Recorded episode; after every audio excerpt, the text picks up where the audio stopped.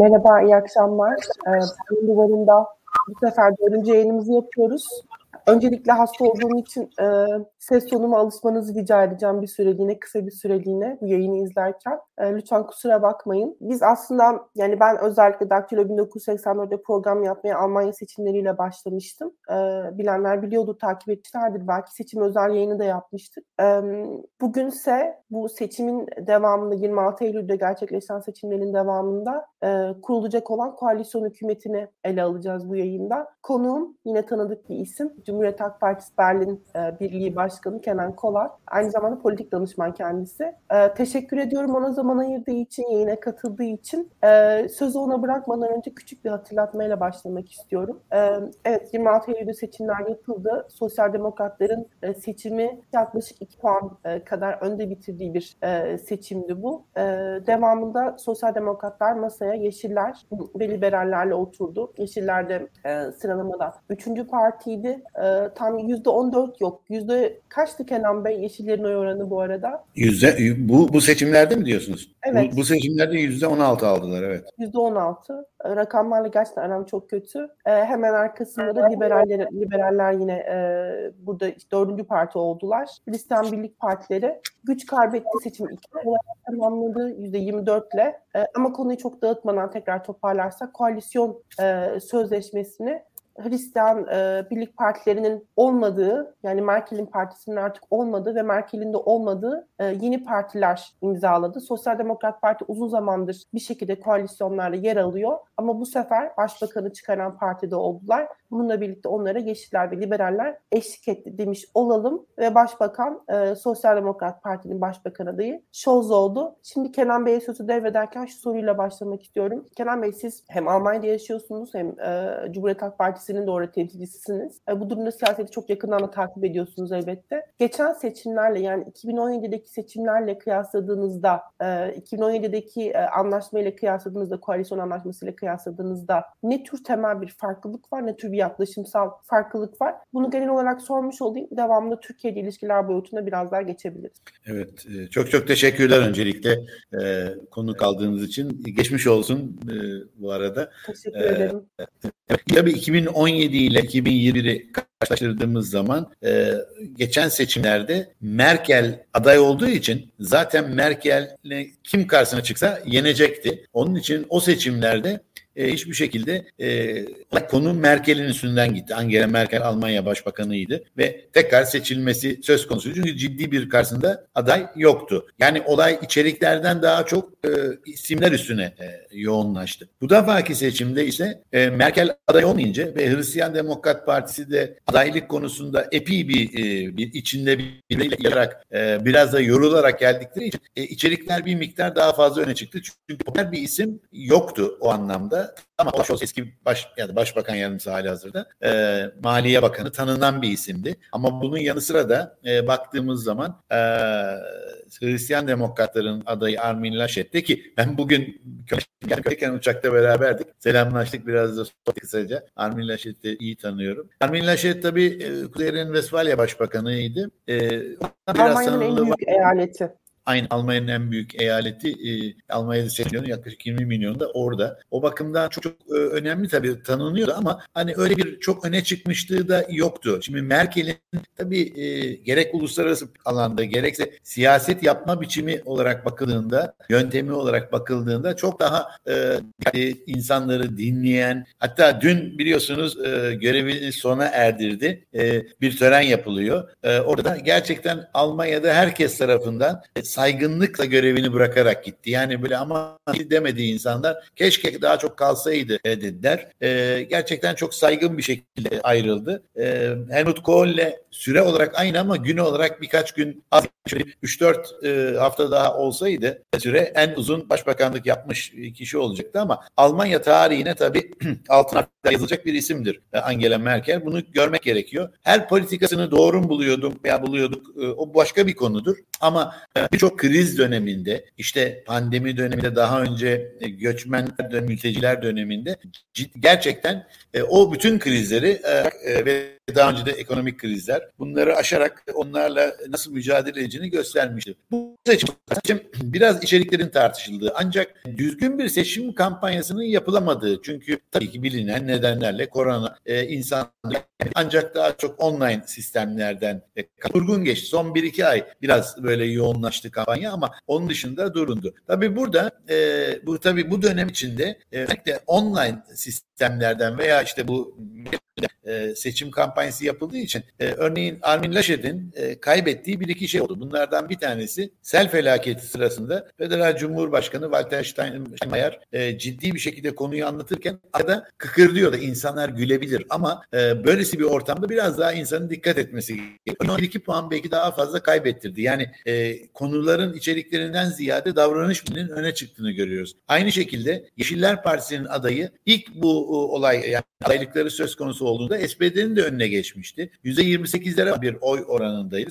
Sonra iyicene aşağıya tekrar. Onun da tabii kitaplarında e, intihal yaptı, kopya yaptığı söylendi ama çok da ciddi iddialar mıydı bilmiyorum. Ama sonuçta şöyle bir şey oldu. E, gerçekten Sosyal Demokrat Parti'nin yani adayı olan Olaf Scholz ve parti şimdi resimde gösterdiğin sağ tarafta e, Walter Broyans, Zaskia Esken ki onlar e, sol kanadın e, yani daha SPD'nin solundan e, gelerek parti başkanı oldular. Olaf Scholz ise daha çok e, merkezde olan, merkez sağa da e, açık olan bir insan. Yani geçmişte Schröder'le Lafontaine'in başarısını bir anlamda tekrarladılar. E, bu anlamda çok sağduyulu konuşması, konulara çok hakim olması, e, seçimi kazanmasına yol açtı. Ha, çok fazla bir şey yapması gerekmedi. Çok e, sakin bir dille anlatarak anlatarak e, seçimi kazandı.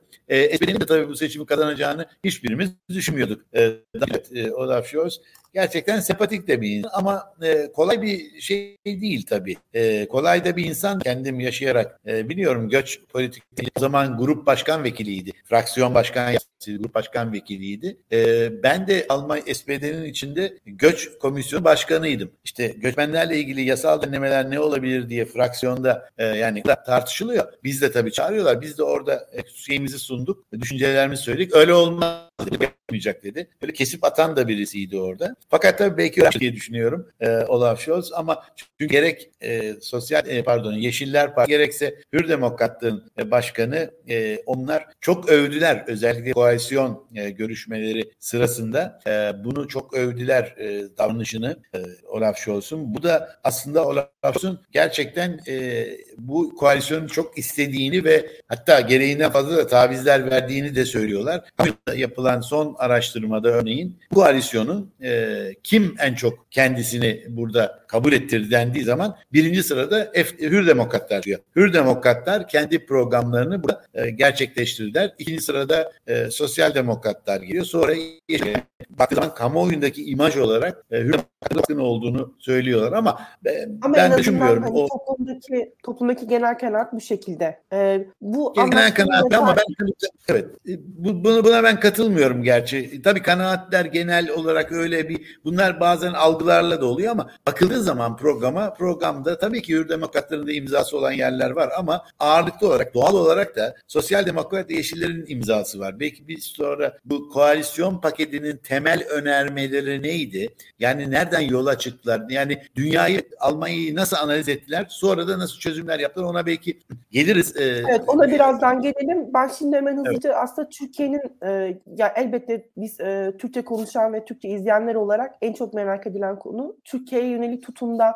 ne tür değişikliklerin beklendiği. E, burada genelde Almanya evet. siyaset söz konusu olduğunda e, Almanya'nın e, Avrupa Birliği'nin en güçlü e, hem ekonomik açıdan hem siyasi açıdan en güçlü ülkesi olması hasebiyle oradaki bir iktidar değişikliğinin de e, Türkiye ile ilişkiler bağlamında Avrupa Birliği e, düzleminde okunması, okunacağı e, ön kabulünden hep yola çıkıyoruz. Bu bağlamda partilerin çeşitli vaatleri vardı. Hür demokratlar için masadan derhal kalk, kalkılmalıydı. E, sosyal demokratlar ve Yeşiller için e, eğer bir, bir şekilde e, bazı ilerlemeler, reformlar sağlanırsa hükümet tarafından, Türk hükümeti tarafından e, onlar aslında Avrupa Birliği, e, Türkiye'nin Avrupa Birliği üyeliğinin e, destekçileri, sıkı destekçileri. Yalnızca reform bekliyorlar belki. Koalisyon anlaşmasına ama farklı bir e, düzenleme sağlanmış, ol, e, farklı bir e, metin girmiş oldu. E, bu konular e, tam anlamıyla yer almadı. Siz ne dersiniz? E, nasıl değerlendirmek lazım? Türkiye ile ilgili olan kısmı özellikle. Sonrasında yine e, Türkiye kökenlilerin vesaire, vesaire duruma yine geliriz. Evet, şimdi çok doğru aslında söylediniz. E, şöyle söyleyeyim.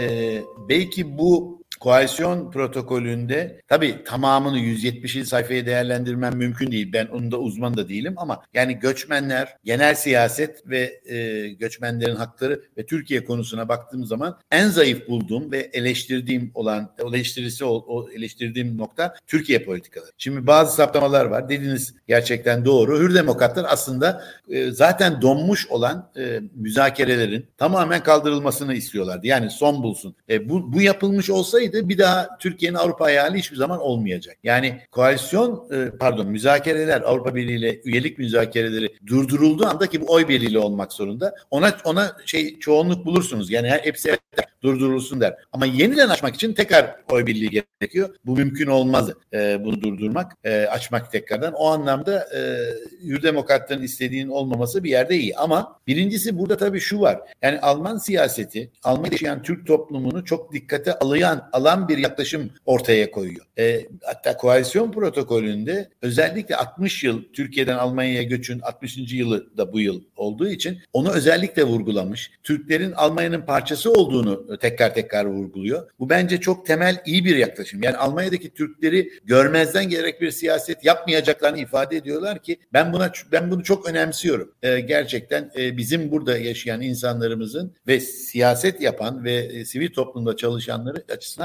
çok önemli. Ama tabii diyor ki bizi diyor şunlar çok kaygılandırıyor diyor. Türkiye'deki dış e, politika e, özellikle gerginlikler Doğu Akdeniz'i kastediyorlar ağırlıklı olarak. Tabii Suriye oralarda da sıkıntılar var. Bunu söylüyorlar ama ondan daha önemlisi diyorlar iç politikadaki özellikle demokrasi, hukuk devleti, işte insan, kadın, azınlık hakları, onda azınlık hakları kavramını genel anlamda kullanılıyor. E, bu konularda çok geriye gidiş olduğunu, yani yoğun bir geriye gidiş olduğunu e, dile getiriyorlar. E, ama diyorlar ondan sonra da o nedenle de yani bunlar böyle olduğu için de e, açılmış olan fasılları yani üstünden konuşulmuş olmasına rağmen artık konuşacak bir şey kalmamasına, uzlaşma olmuş olmasına rağmen fasılları kapatmıyoruz diyorlar. Kapatmayacağız diyorlar. Yani biliyorsunuz fasılları açmakta kapatmakta yine oy birliğiyle e, olmak zorunda. E, açılanları kapatmayacağız gibi onu hadi anladım diyelim o ileriye dönük bir şey. Hiç yeni fasıl da açmayacağız. Yani benim buradaki temel yorumum ve eleştirim yani yeni fasıl açmamak şu an için olabilir ama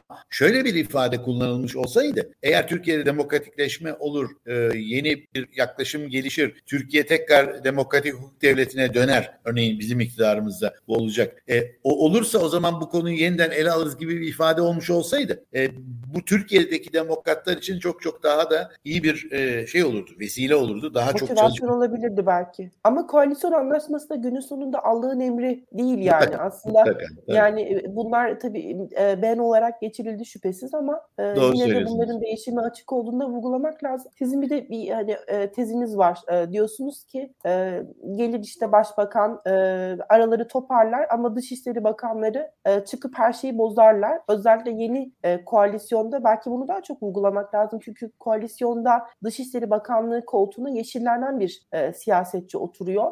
Doğrudan e, Türkiye'ye ilişkin bilmiyorum hayatında kaç kez e, Türkiye ile ilgili bir şey düşünmüştür ama e, yani parti politikaları bağlamında yeşillerin çok sert bir e, tutumu var. Özellikle Türkiye hükümetinin e, duruşuna karşı, genel politik tarzına karşı hem dış hem iç e, siyasette. Bunu nasıl değerlendirmek gerekir? Hala bu tezin arkasında mısınız? Yani yeşiller e, her şeyi dağıtıp e, sosyal demokratlar mı toparlayacak? Ne dersin? Yok yok şimdi şöyle Annalena, Annalena Baerbock tamam dış politikayla ilgili bir uzmanlığı yok ama e, Alman e, dış e, gerek genelde bürokrasi Almanya'da çok güçlüdür. Yani Almanya'da öyle bürokratlar öyle hükümet gelince değişmezler. E, ben bir an, ufak bir anı olsun anekdot olsun diye söyleyeyim. Berlin'de e, dille ilgili yani çok dilli bir genel müdür e, vardı. E, bu genel müdür e, hep yani 30-40 yıl adam emekli olana kadar orada genel müdür olarak kaldı. Bir gün dedi ki Erkolat dedi biz dedi ne kadar çok bakan gördük ki bu da geçer dedi başkası gelir dedi biz buradayız dedi. Yani Almanya'daki bürokrasi Türkiye'den farklı olarak çok güçlü bir bürokrasi. Bu anlamda e, özellikle de Dışişleri Bakanlığı öyle şey değil. Yani orada çok büyük değişiklikler olmaz. Abi temel bazı şeyler olacaktır mutlaka.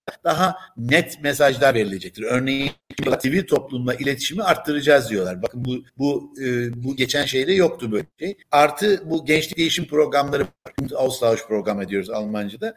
Almanca'da için de söylemiş olayım. Yani özellikle bu sivil toplum ilişkiler ve gençlik e, değişim değişim artması, iletişimin artması, toplumda düşme ve iletişimi yani sadece siyasi anlamda değil, e, iletişimi yani iletişimi hiçbir zaman kopartmıyor. Alman siyasetinin temelinde zaten hiç diyalog var. E, hiçbir her zaman diyalog. Her zaman diyalog her zaman çünkü belli bir noktaya getirebilir deniyor e, prensip olarak Almanya'da. O anlamda ben e, Türkiye konusunda yani o, o eksikliği söylemiş olayım e, ama e, sizin de dediğiniz gibi Türkiye'de bir değişiklik olduğu zaman ha orada yazmıyor şimdi biz Türkiye ile iletişimimizi keseceğiz diye bir şey yok. Ha şimdi bizim Aksine Türkiye'de NATO de üyesi olmasının ne kadar önemli olduğu vurgusu var öyle değil mi? kesinlikle zaten o değil. Avrupa Birliği'nin de önemli bir komşusu diyor. Yani şu an tabii Türkiye'yi bir komşu olarak gören bir yaklaşım var. Yani Avrupa Birliği'nin üyesi olarak gören bir şey yok. Gerçi zaten şu anda Avrupa Birliği'ne girmek yani önce 2005'i ben anımsıyorum. Bir coşkuyla e, şeyler başlamıştı değil mi? E, müzakereler başlamıştı. Hatta Avrupa Parlamentosu'nda e, değişik dillerde evet evet diye kaldırarak herkes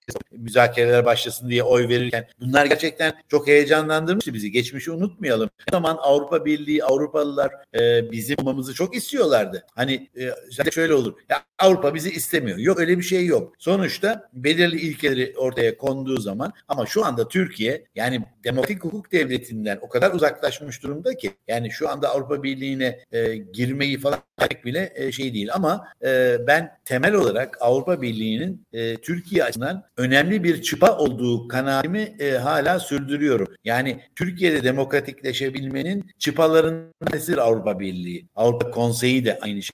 İşte bugün Kavala ile ilgili e, tekrar e, işte Türkiye bir takım yapılar gelecek mi gelmeyecek mi diye. Yani Avrupa Konseyi Avrupa Birliği bunlar tabii bunlar çok önemli. Yani Türkiye bunların hiçbirinden söz konusu olamaz. Avrupa Birliği'ne üye değiliz ama bir anlamda e, müzakereleri şu anda donmuş olsa bile resmi bir bağımız var e, ve e, devam ediyor. Gümrük Birliği devam ediyor.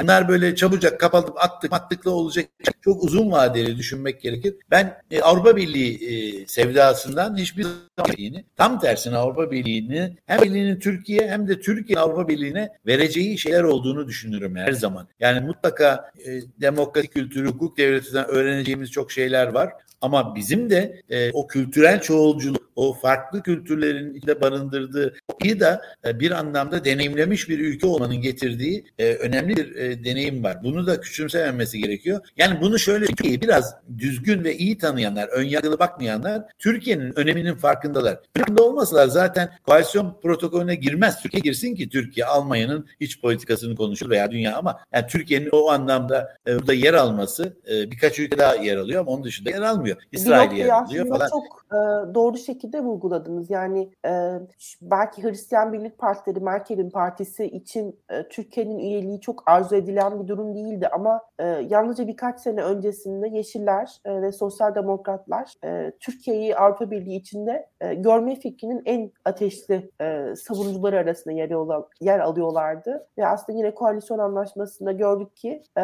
bu da başka bir şey oldu ve artık Türkiye bir aday ülke olarak nitelendirilmektense e, bir komşu ülke yani işte e, bir evet. Cezayir gibi, bir Fas gibi, e, bir Ukrayna gibi. Önemli bir e, önemli bir komşu ülke ve NATO üyesi diye geçiyor. Evet. Bu da aslında perspektif farkını bir kez daha ortaya koymuş oluyor. Peki şimdi yani bir de şunu tekrar hatırlatmak lazım. Siz diyorsunuz ki Almanya bürokrasi çok güçlü. Bu sebeple e, ortaya konulan politika değişikliği yalnızca söylem bazında olabilir. Olursa eğer ki e, bunun bile çok üst perdeden dillendirilmeyeceğini düşünüyorsunuz. Ben şüphesiz evet. bunun da yine bir e, göç anlaşması ilişkisi olduğunu düşünüyorum. Çünkü şu an Almanya siyasetinin en son arzu ettiği şey herhalde Türkiye'deki 4 milyon e, Suriyelinin tekrar hareketlenmesi ihtimali olurdu. Üstüne üstlük Yani onun olmayacağını biliyor, biliyoruz. Biz de biliyoruz. Avrupa'da artık biliyor. Yani şöyle söyleyelim. Yani o ona göç konusuna geliriz. O, orada çünkü özellikle yeniden bir göç anlaşması uzatılacaksa yapılacaksa e, insan hakları formatının çok daha fazla yer alacağını yani e, insanlara davranışların falan bunların Türkiye içinde de çok konuşulacağı bir sürece de gir, girecektir. Yani e, o, o bakımdan o süreç özellikle Yeşiller o konuda daha duyarlı Ya bir takım nüanslar olacaktır ama şöyle iletişim devam edecektir. En üst düzeyde de devam edecektir ama e, görüşler net olarak ortaya konacaktır. Belki bugüne kadar olduğundan çok daha net ortaya konacaktır. E, her ne pahasına bir şeyler yapmak gibi bir derdi olmayacaktır hükümetin ama mutlaka tabii ki e, göçle ilgili e, daha e, belki sağlıklı ve sağduyulu olacaktır. Herkes şunu çok iyi biliyor. Yani işte denendi olmadı. Öyle kapıya götürdüm insanları. Siz gidin buradan Avrupa'ya demek de olmuyor. E, ve Avrupa gerekli önlemleri alıyor. Yani o anlamda e, ilk başta belki şey düşünüyorduk işte Erdoğan bu konuda e, şey yapar, tehdit eder ve gönderir diyorduk ama öyle olmuyor. O kadar kolay değil o. Öyle söylendiği gibi kolay değil. Zaten şu olabilir yalnız. Yani Türkiye'den zaten belli sayıda her ay sanıyorum bin civarında e, Suriyeli Almanya'ya gidiyor. E, bu sayılar belki artabilir. E, bu, bu, bu olabilir. E, bir de şunu da bilelim. Yani bu bütün e, sosyolojik e, gerçekler böyledir. Göçmen olan veya mülteci olarak gelen veya geçici sığınma ile gelen Türkiye'de öyle bir statü var. Bunların yüzde 60'ı, yüzde 70'i o ülkede kalacaktır. Yani bundan yola çıkmak gerekir. Türkiye'nin de e, bizim partimizde başta olmak üzere ama herkesin e, ciddi bir şekilde e, bir toplumsal katılım e, konularına biraz ele alması yani entegrasyon politikalarını ciddiye almak gerekir. Kaldı ki e, Türkiye Cumhuriyeti vatandaşına geçenlerin sayısını da her geçen gün artıyor da Suriyelilerin sonuçta parti olarak oy alacağın e, kesimlerinde oluştuğunu e, bunun da göz ardı edilmemesi gerektiği ortaya çıkar. Yani partilerin de nasıl Almanya'da e, Türkiye kökenli göçmenler Alman vatandaşına geçince Alman siyaseti bunların oyunu almak için mücadele ediyorsa Türkiye'de de olacaktır o zaman. Yani bunları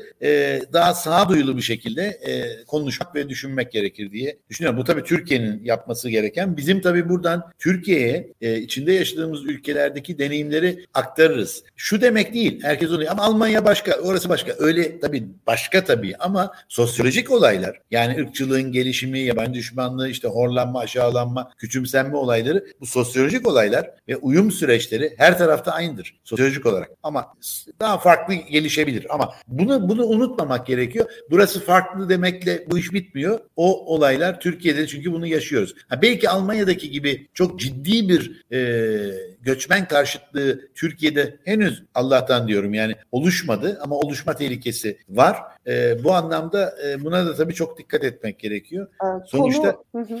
evet sonuçta insanlarla uğraşıyoruz. O insanlar iyi veya kötü. Yani o insanlar sorun değil. Genel başkanımız onu da söylüyor. Gerçekten siyaset de yani Suriye'de sorunu. Yani so göçü göçü önlemenin yolu göçü oluşturan nedenleri ortadan kaldırmaya çalışmak veya en azından indirmek indirmekten geçer. E bunu yapmadığın sürece bunu bunu bunu sağlayamazsınız geri gitmesine gitmeden. Kolay bir şey değil. Popülist popülist tavırlar aslında e, çok yeterli olmuyor göç sorununu çözme noktasında. Aslında birçok e, konuda çözüm üretmediği gibi yalnızca anlık e, anlık sorunlara, anlık söylemlerin e, ortaya atıldığı e, garip tavırlar aslında e, evet. olarak ortaya çıkıyorlar ve e, gerçekten bir çözüm bulmak noktasında hiçbir politikacıya yardımcı olan tavırlar değil. Yalnızca o dönem işte evet. halkın gazını almış oluyorsunuz bir noktada. Kesinlikle. Çok doğru. Peki göçmenlere göçmenlere dönünce e, özellikle Türkiye kökenli e, Almanlar, Türkiye kökenlerin e, durumlarına gelecek olursak aslında koalisyon anlaşmasında Türkiye hükümetine olan yaklaşımla e, Türkiye kökenlere dönük yaklaşım arasındaki o ince farkı, ustalıkla yaratılmış ince farkı görüyoruz. Bu farkın, e, bu farkı gördüğümüz maddeleri konuşmak istiyorum biraz. Severek. Aslında iyi söylediniz onu. E, tabii bunu böyle hani oturalım, ha, Türkiye öyle yaptık, şimdi buradan böyle yapalım düşüncesinden ziyade e, hükümetin e, bu yeni kurulacak hükümetin göç konusuna temelden bir farklı bakış e, getirdiğini görüyoruz. Eski koalisyonda yani göçmenler e, tamam burada yaşasınlar işte uyum ol, uy, uysunlar ya uysunlar ya da uysunlar öyle yok. Uyarlarsa da hak verelim gibi bir yaklaşım vardı. Şimdi buradaki şeyde bu koalisyon anlaşmasında burada bir temel e, stigmat değişikliği var. Yani farklı bir bakış var. Bir kere şunu söylüyor göçmenler, göçmen kökenler bu ülkenin parçasıdır diyor. Yani bunu bir kere baş kabul olarak koyuyor. Hatta bir daha geriye gideyim. E, aslında e, koalisyon anlaşmasının temel önermelerine baktığımız zaman orada altı tane madde var. Hepsini saymayayım gerekirse sayarız ama ama bir noktası var ki diyor ki Alman toplumu, Almanya toplumu, Almanya'daki insanlar bir yandan yaşlanırken bir yandan da çeşitleniyor diyor. Yani farklılaşıyor. Etnik, dinsel işte kökenler olarak falan filan. Yani bir farklılaşan bir topluluk var. Bunun bilincine var. Zaten yüzde yirmisi Almanya'nın göçmen kökenli. Yani e, ama bunu bilinçli bir şekilde ortaya koyuyor ve arkasından da diyor ki e, açık toplumla, to, toplumlarda farklılığı olanların bir arada yaşamasının temelini atmamız gerekir. Ve burada da çok önemli olarak vatandaşlık yasasını o temel önermelerden sonra atılacak adımların içine alıyor. Yani şöyle Almanya'daki bakın e, koalisyon programı te, tamamına baktığınızda nedir? İklim krizinden söz ediyor. Küreselleşen e, ekonomiden söz ediyor. Demokratik değerlerden söz ediyor. Dijitalleşmeden söz ediyor. Değişim ve demokrasiden söz ediyor. Bunların yanı sıra bu önemli konuların yanında da işte göç konusunu, göçmenlerin konumunu koyuyor. Yani göçmenlerin Almanya'nın bir parçası olduğunu ortaya koyan bu yaklaşım Almanya'daki şu kurulacak hükümetin çok temel önermelerinden biri haline geldi. Yani temel değişim bence burada yatıyor. İşte bu temel değişimin üstüne kuruyor ondan sonra ve bunu kurarken de e, eskiye göre diyor ki e, modern bir göç ülkesine yakışacak göç politikaları yapmamız gerek. Yani buradan e, buradan yola çıkıyor bu temel yaklaşımlardan sonra. Bakın bizim göçmenler olarak e, biraz bunun arkasında biraz da ben vardım. E, 2013 yılında bir e, Bundespartizipationsgesetz e, Almanya katılım yasası dediğimiz bir yasal düzenleme önerisi yaptık. Neydi bunun amacı? Almanya'daki kurumlarda, devlet içinde, devlet yapısında veya her tarafta göçmen kökenlerin sayısı azdı. Poliste işte yani bütün e, devlet dairelerinde memurlar azdı. Bunu orta, e, yükseltmek için bir katılım yasası e, önerisi yaptık. 2013'te ben o zaman toplumunu bu e, pek olumlu bir sonuç alamadık. Fakat bunun mücadelesi 8 yıl yapıldı. İşte şimdi şeye girdi. Koalisyon protokolüne girdi. Yani yapılacak. Bir katılım yasası çıkartılacak. Bu çok önemli bir şey. E, kadın erkek eşitliği için Almanya'da yasalar çıkmıştı geçmiş yıllarda, 70'li 80'li yıllarda. Bunun içine dahil ediliyor. Bu, bu da çok temel bir değişim. Hatta bunu yaparken bir katılım konseyi e, oluşturulacak. Partisipasyonsrat, katılım konseyi diye çevirdim ben. Bu katılım konseyinde göçmenler de olacak temsilcileri ve toplumun diğer temsilcileri bu konular ele alınacak. E, Almanya'nın e, çok önemli olan bir başka e, konusu gerek meslek eğitimi gerekse üniversite eğitimi için Almanya dışından geleceklere çok daha fazla olanaklar sağlanmak planlanıyor. E, şimdi e, özellikle yine bu vatandaşlık vatandaşlığın 3 e, seneye düşürülmesi yani vatandaşlık evet. hakkının 3 sene sonra talep edilmesi. Aslında yine Almanya burada e, genç göçmenlere cazip gelmek için tüm gücünü kullanıyor öyle değil mi? Ya öyle söyleyebiliriz. Aslında Almanya'da 2000 yılında çok devrimsel bir değişiklik oldu. Neydi o? 2000 yılından sonra doğanlar Almanya'da anne babası yabancı olup da e, bir, bir tanesi 8 yıldan fazla ve süresi yaşıyor ve süresiz oturma izni var idiyse otomatikman Alman vatandaşı oluyordu. Aynı zamanda Türk vatandaşlığını da anneden babadan dolayı kazanarak devam ediyordu. 18'e gelince karar verme zorunluluğu vardı. Bu karar verme zorunluluğu 2014'te kalktı. Yani Almanya'da doğan çocuklar artık otomatikman çifte vatandaş oluyorlar ve kuşaklar boyunca da çifte vatandaş olmaya devam edecekler. Şimdi bu 5 yıldır Almanya'da pardon 8 yıldır Almanya'da yaşıyor olan koşulu yani anne babadan biri 8 yılda yaşıyorsa çocuğu doğmuş sayı 5 yıla indiriyorlar. Yani Almanya'da e, Alman vatandaşlığını doğumla kazanmanın da hemen hemen herkes için artık yani artık işte 2 yıl 3 yıl önce gelip sonra 2 yıl içinde eşini getirmiş olanları düşünmeyecek olursak ki %90-95'i bu durumda herkes çifte vatandaş olacak Almanya'da doğanlar. Bu bu kere bu müthiş bir değişiklik. Bunu daha da geliştiriyor, genişletiyor. Ha bunun yanına bir de Alman vatandaşlığına geçmek için gereken süre 8 yıldı. Bu 8 yıllık süre eğer e, çok iyi derecede Almanca biliyorsan topluma uyum sağlamışsan 6 yıla iniyordu. Şimdi bu 8 yılı 5'e indiriyor. Bu 6 yıl uyum sağlamışsan süresinde 3 yıla indiriyor. Yani Alman vatandaşına geçmek de kolaylaştırılacak. Bu da çok temel bir e, yaklaşım. Yani ben diyor sana her şekilde önceden de hak vereceğim. Yani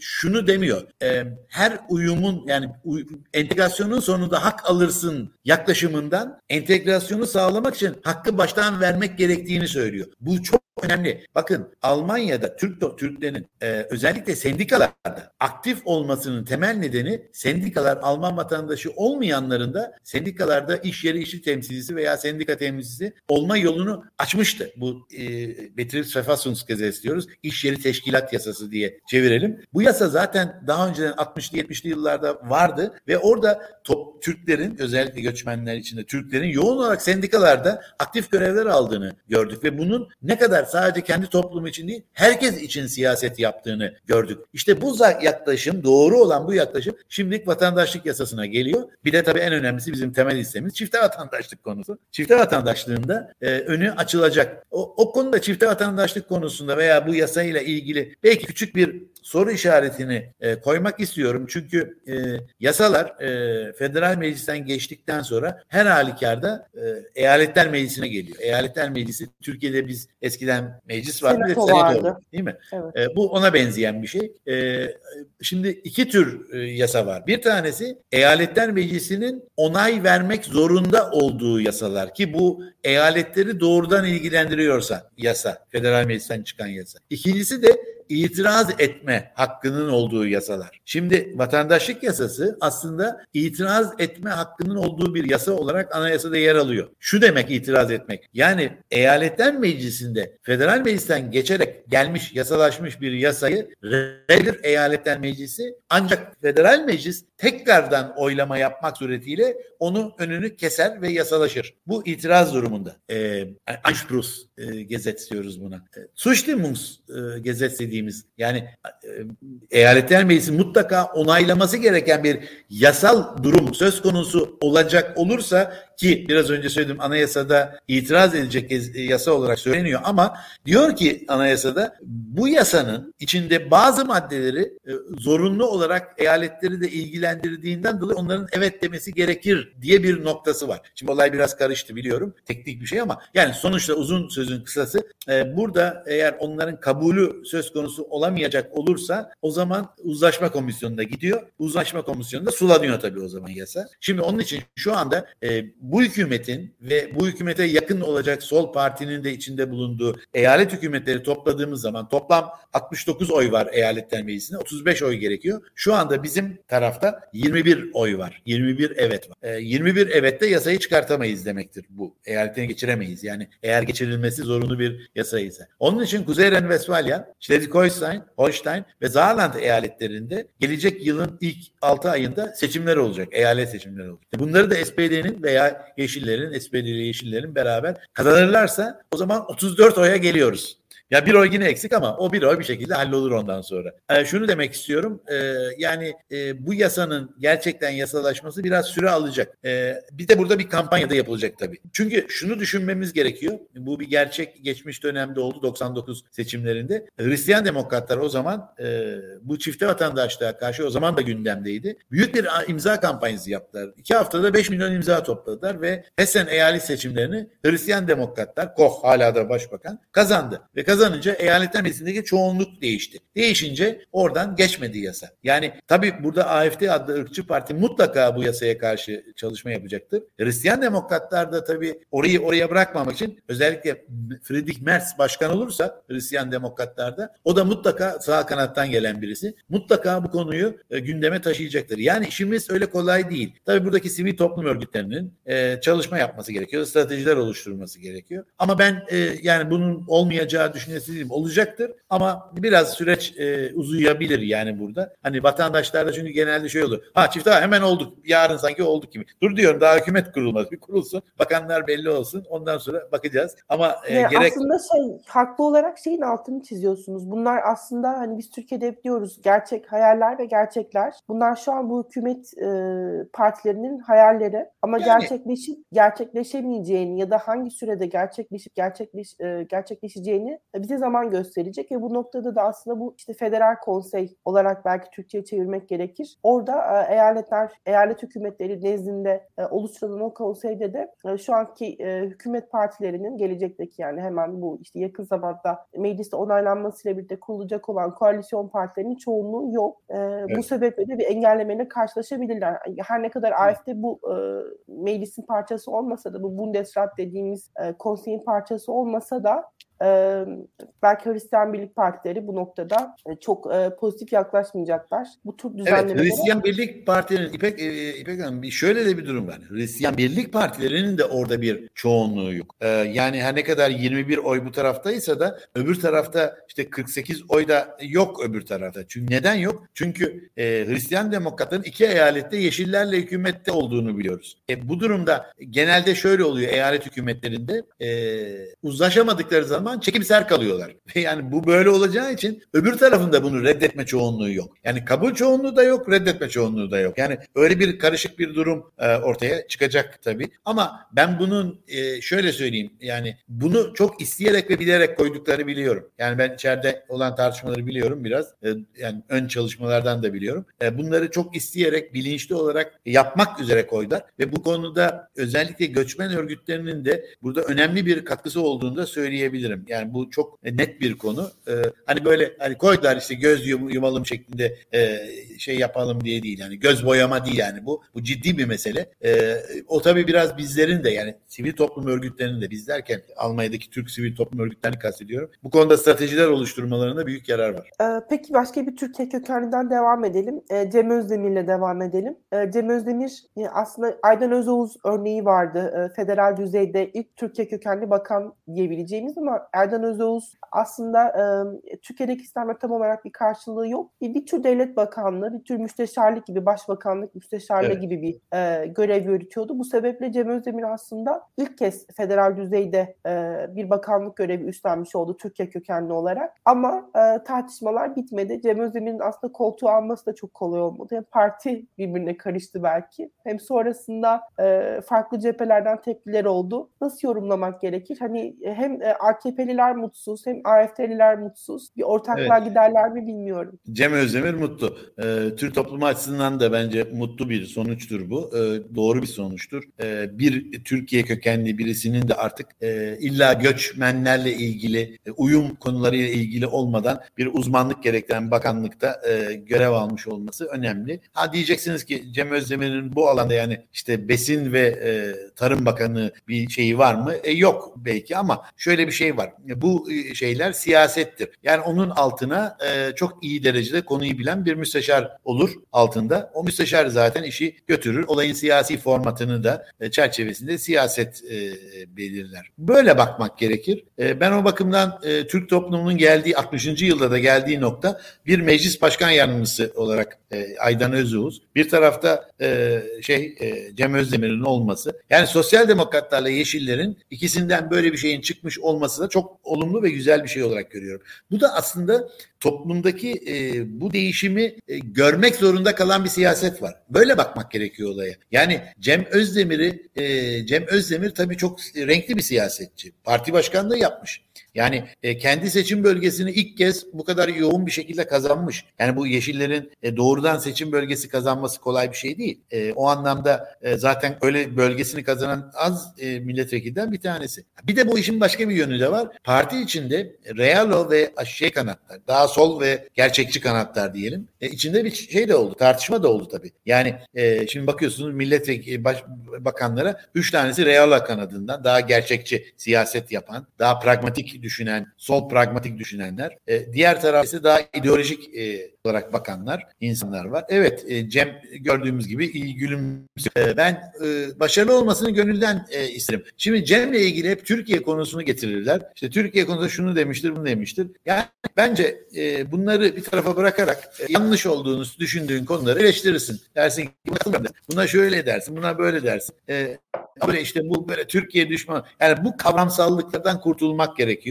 E, gerçekten e, yani ben şunu düşünüyorum. Belki yani gerçekten Özdemir'in Almanya'da Tarım Bakanı olması ki Almanya'da şunu söyleyelim. Bavyera eyaleti bir tarım eyaletiydi. Ama e, devletten aldığı teşviklerle öyle bir geliştirdi ki tarımı e, teknolojiyle birlikte bugün hem teknolojinin çok yoğun olduğu bir yer hem de e, teknolojik tarımın yapıldığı bir yer. Belki bu Türkiye'nin bile örnek olabilir. Hani Türk'te olduğu için, kendi Türkiye kökenli olduğu için de e, bu anlamdaki Türkiye o anlamda yararı da belki olabilir. E, bakınca ben ben e, olumlu bakıyorum. Yani e, insanlara her zaman öyle de yaklaşmak gerekiyor. E, umalım başka görevlerde de e, Türk kökenler daha çoğalsın. Örnek biliyorum biliyor musunuz? Almanya'nın Anayasayı Koruma Örgütü, Türkiye'de MIT dediğimiz istihbarat teşkilatının yardımcısı Almanya'da bir Türk kökenli. Sinan Şimdi düşünebiliyor musunuz? Almanya'nın güvenliği bir e, bakanlığı bir Türkiye, meclis bir Türkiye, hepsini bir Türkiye temsil etti, temsil, teslim ettiler gibi bir şey düş, ortaya meclis çıktı. Başkan Vekili Aydan Özoğuz, e, Tarım Bakanı Evet. Can Özdemir ve Anayasayı Koruma Teşkilatı yani teşkilat e, MIT gibi MIT e, hüviyetinde bir e, teşkilatta bir Türk kökenli e, üst düzey bir görev üstleniyor. Ama e, e, emin olun hani e, siz bunu söyleseniz size nasıl cevap verirler ben size söyleyeyim. O zaman derin devletin e, adamı derler. İşte e. Alman devletine çalışıyor derler. Yani burada aslında bu da bir e, bir, bir tür ikiyüzlülük. Çünkü e, Almanya'da doğmuş, Almanya'da büyümüş, e, ana dili Almanca olan biri e, sırf Türk ırkı e, mensubiyetinden dolayı neden e, Türkiye çıkarları için çalışmalı ki? Yani burada bu soru da aslında kendi içinde bir gariplik doğuruyor. Düşünsenize Türkiye'de e, bir Suriyeli e, MIT'in MIT'te başkan yardımcısı oluyor ve onun e, Suriye'de beklentileri şey olduğunu düşünün. Suriye'yle yine çalışması. Bu garip Evet. olurdu herhalde. Ama belki şu haklı olabilir. Yani aleyhine çalışmaması ya da aleyhine söylemlerden kaçınması. Belki bu biraz daha haklı bir ta- talep olabilir. Çünkü e, kimi zaman e, siyasetçiler bu göçmen kimliklerini kullanarak da aslında pozisyon elde edebiliyorlar. E, Cem Özdemir için hani bunu söyleyebilir miyiz emin değilim. E, belki evet belki hayır nispeten. E, çünkü e, kabinedeki tek göçmen kökenli belki kendisi olacak. Henüz sosyal demokratların e, hangi kişileri Evet. tercih edeceğini bilmiyoruz ama e, bu noktada hani bu e, etik sorumluluğu da belki üzerlerine almaları gerekir nispeten dedikten sonra biraz da bu kabinedeki diğer üyelere bakmak istiyorum aslında. E, Yeşillerin eş başkanı e,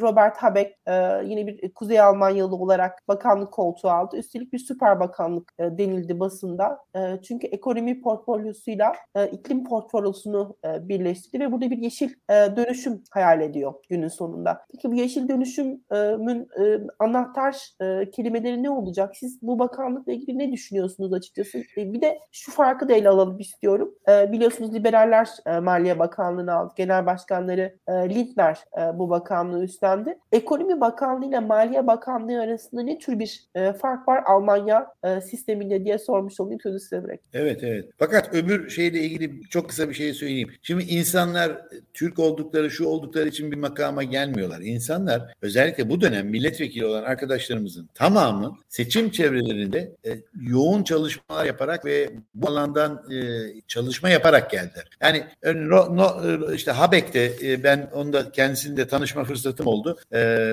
bizim Schleswig-Holstein Türk toplumunda e, bir toplantı vardı seçimlere yönelik. Onu da ben benim yönetmemi istemişlerdi arkadaşlar moderasyonu. E, Robert Hadev dediğim bir önceki e, şeyde Schleswig-Holstein seçimlerinde orada da çünkü bakanlık yaptığı için Robert Habeck tabii e, çok çok değerli bir isim. Birincisi gerçekten belki hani şimdi hep öyle derler ya sonradan konuşunca yani başbakan adayı Yeşillerin Robert Habeck olsaydı belki Yeşillerin oranı çok daha farklı da olabilirdi diyorlar. Çünkü tabii deneyimleri var e, ondan gelen. Şimdi Maliye Bakanlığı ve e, Ekonomi Bakanlığı. Yani tabii ekonomiyi döndürüp paranın gelmesini daha çok e, çabalayacak bir şey olacaktır sonuçta. Maliye Bakanlığı ise aslında para dağıtan kurumdur. Yani o anlamda e, para dağıtan kurum e, elin, elini daha sıkı tutacaktır. Evet Christianleri görüyoruz. O da genç bir isim. E, bence Alman siyasetinde bir gençleşme olduğunu da söyleyebiliriz.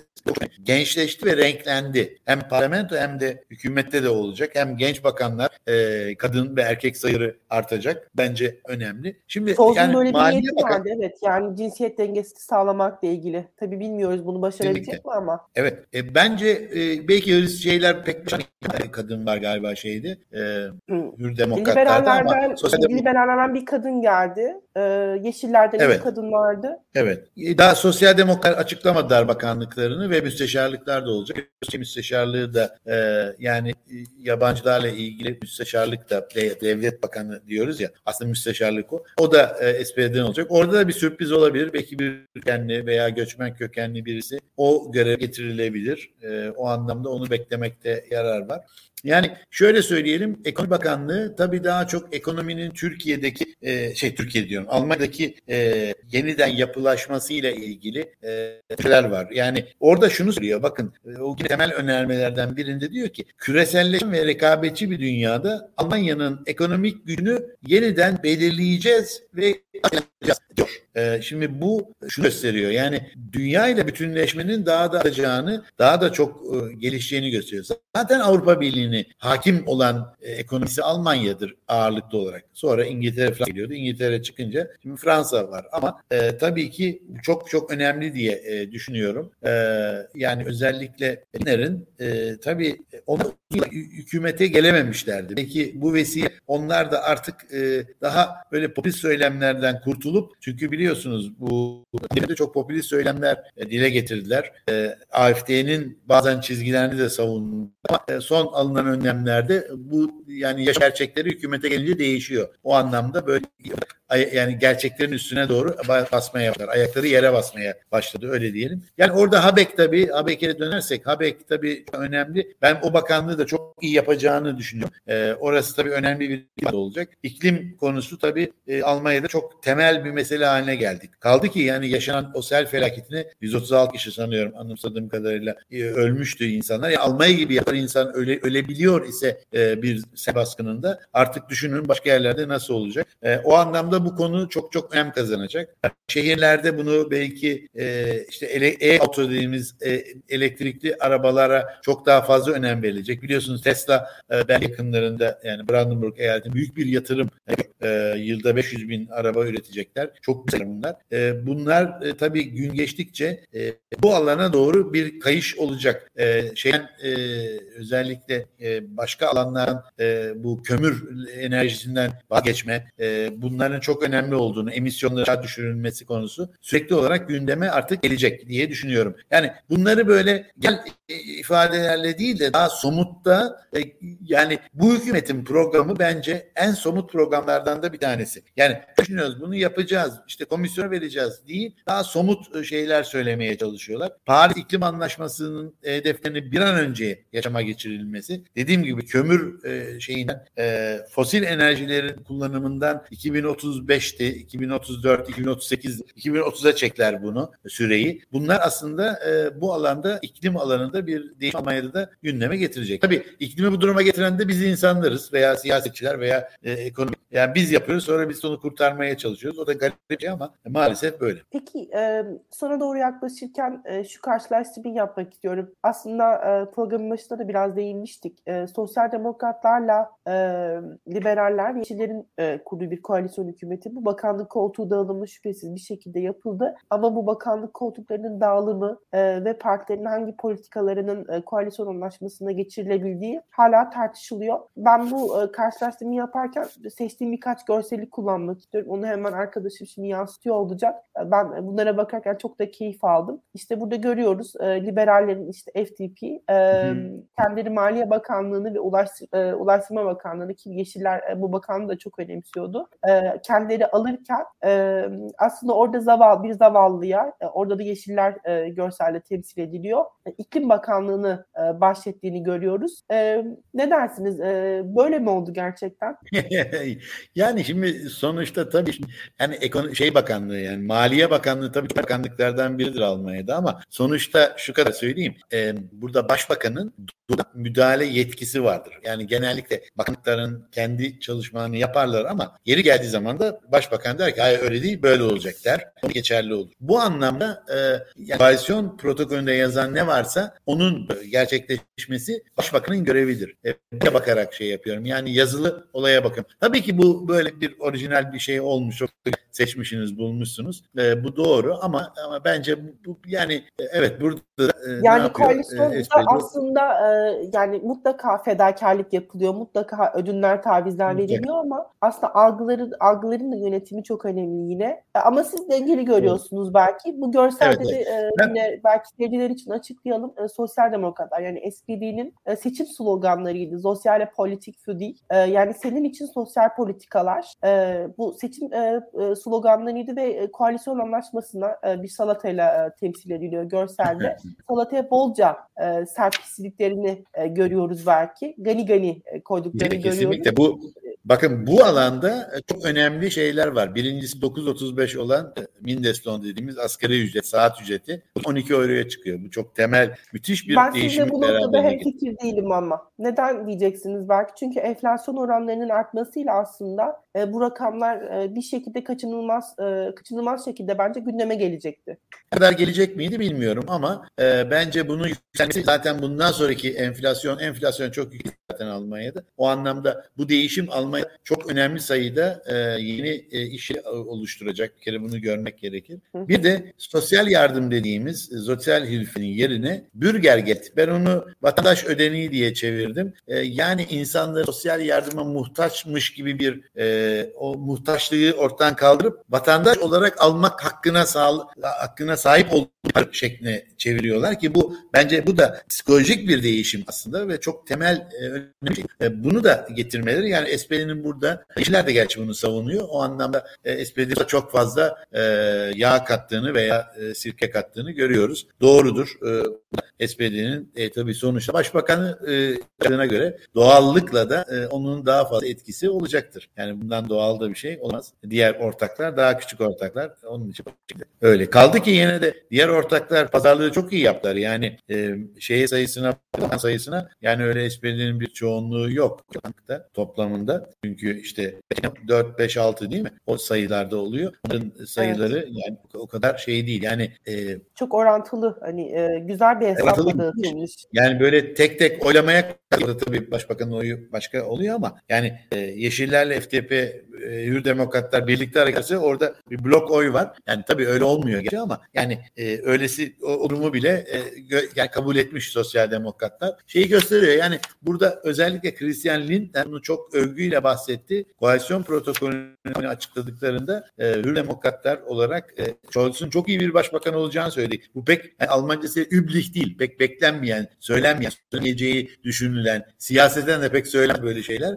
Bu anlamda çok e, ilginçti onu o şekilde söylemiş olması Lindner'in. Bu aslında uyumlu bir hükümetin olacağını gösteriyor. Tabii ki e, kolay değildir Almanya'da oturmuş sistemi böyle toptan değişmez ama bence e, bu hükümetin çok büyük bir şansı var. Bu söylediklerinin büyük bölümünü gerçekleştirirlerse Almanya'da temel dönüşümler olacaktır. Göçmenler politikasında değil siyasette olacak. Ee, son sorum bu. Belki siz de ekleyecek olduklarınızı belki son kısımda eklersiniz. Ee, şunu da kapatmak istiyorum yayını. Ee, Türkçe konuşan hem Türkçe hem Almanca siyaseti takip edebilen ve her iki tarafta da e, politikaya e, angaja olmuş biri olarak Almanya'daki bu bütün süreçleri takip ederken e, saç baş yoluyor musun? Yani e, aslında sinir krizi geçirmemek elde değil. Çünkü her şey bir şekilde e, bir diyalogla, e, ödünlerle, tavizlerle e, yürütülürken Türkiye'de biz neden bunu başaramıyoruz? Sizin tespitiniz de kısaca bunu da almış olalım. E, tabii e, aslında soru uzun, uzun, uzun konuşmak gerekiyor Türkiye toplumu uzlaşmama üstüne kuruyor şeylerini, e, diyaloglarını.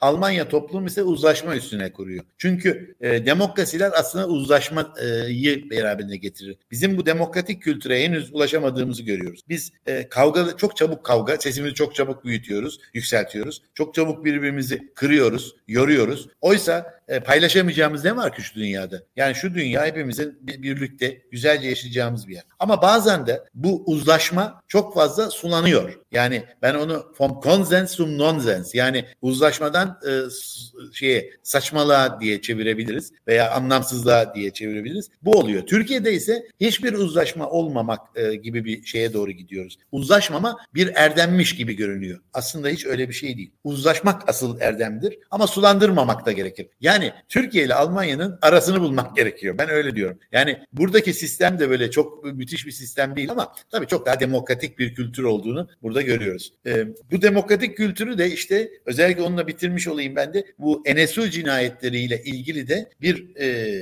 dokumentasyon merkezinin kurulacak olması 13 Mart'ın her yılın 13 Mart'ının ırkçıl terörden e, hayatlarını kaybetmişler için bir anma günü olacağını kabul etmiş olmaları da çok çok önemlidir. E, NSU konusunun kapatılmamış olması da bence çok temel yaklaşımlardan biridir bu koalisyon anlaşmasının. NSU dediğimizde yine seyircilere hatırlatmak gerekirse yeraltı bir e, terör örgütüydü. Türkleri evet. hedef alan saldırıları vardı. E, yargılama süreçleri devam ediyor ama bu yargılama süreçlerinde de Alman e, devletinin e, alt, e, altyapı mı demek gerekir, artık uyan hücreleri mi demek gerekir, kurumsal ırkçılık mı demek gerekir bilinmiyor. E, bütün bu eleştiriler yöneltiliyor elbette. E, bunların nasıl ortaya seçildiğini, ortaya e, savrulduğunu görmüş olduk böylelikle. E, bir, bir şekilde aslında ırkçılığın e, koruyup e, korunup kollanabildiğini e, görmüş olduk. Ne yazık ki hala bugünün Almanya'sında da ama siz diyorsunuz ki bunun için e, farklı bir niyet beyanı en azından ortaya kesinlikle, koyuluyor kesinlikle. siyasiler bazında ve bu da aslında şunu... vatandaşların kendini güvende hissetmesi için e, çok önemli bir dönem. Hiç yoktan. Evet, evet. Ben de ona katılıyorum ama şuna tam katılamıyorum. Yani e, böyle devletin içinde birileri böyle bir şeyler yapıyor. Bir, bir kesimler mutlaka vardır ama yani e, siyasetin bunu desteklediği bir ortam yok. Bunu söylemek gerekiyor. E, siyaset bunları desteklemiyor ama e, polis teşkilatının içinde, diğer e, gizli istihbaratların içinde tabii ki e, belirli şeyler var. E, bence e, Almanya'da da bazı şeyler e, kapalı kaldı. E, NSU cinayetleri yeterince e, ortaya değil. Tamam bir, bir süreç alındı, bir mahkeme sonuçlandı. Birkaçının devam ediyor da ama e, bu şu demek değil. Onun arkasında bu işi destekleyenler başka kimlerdi? Yani bu iki üç kişinin yapabileceği bir iş değil. Çok daha geniş bir ağın e, işi. Bunu belki ortaya tekrardan kurcalamak gerektiğini düşünüyoruz. Düşünülmesi gerekir. Bunu da yaparlarsa e, tabii şey bu çok önemli. Alman devleti açısından da çok çok önemli. Merkel'in de sözü var zaten. Belki Merkel'in yerine getiremediği bir söz varsa budur yani. Kerem Bey çok teşekkürler zaman ayırdığınız için. Ben teşekkür ediyorum. Görüşmek ya. üzere.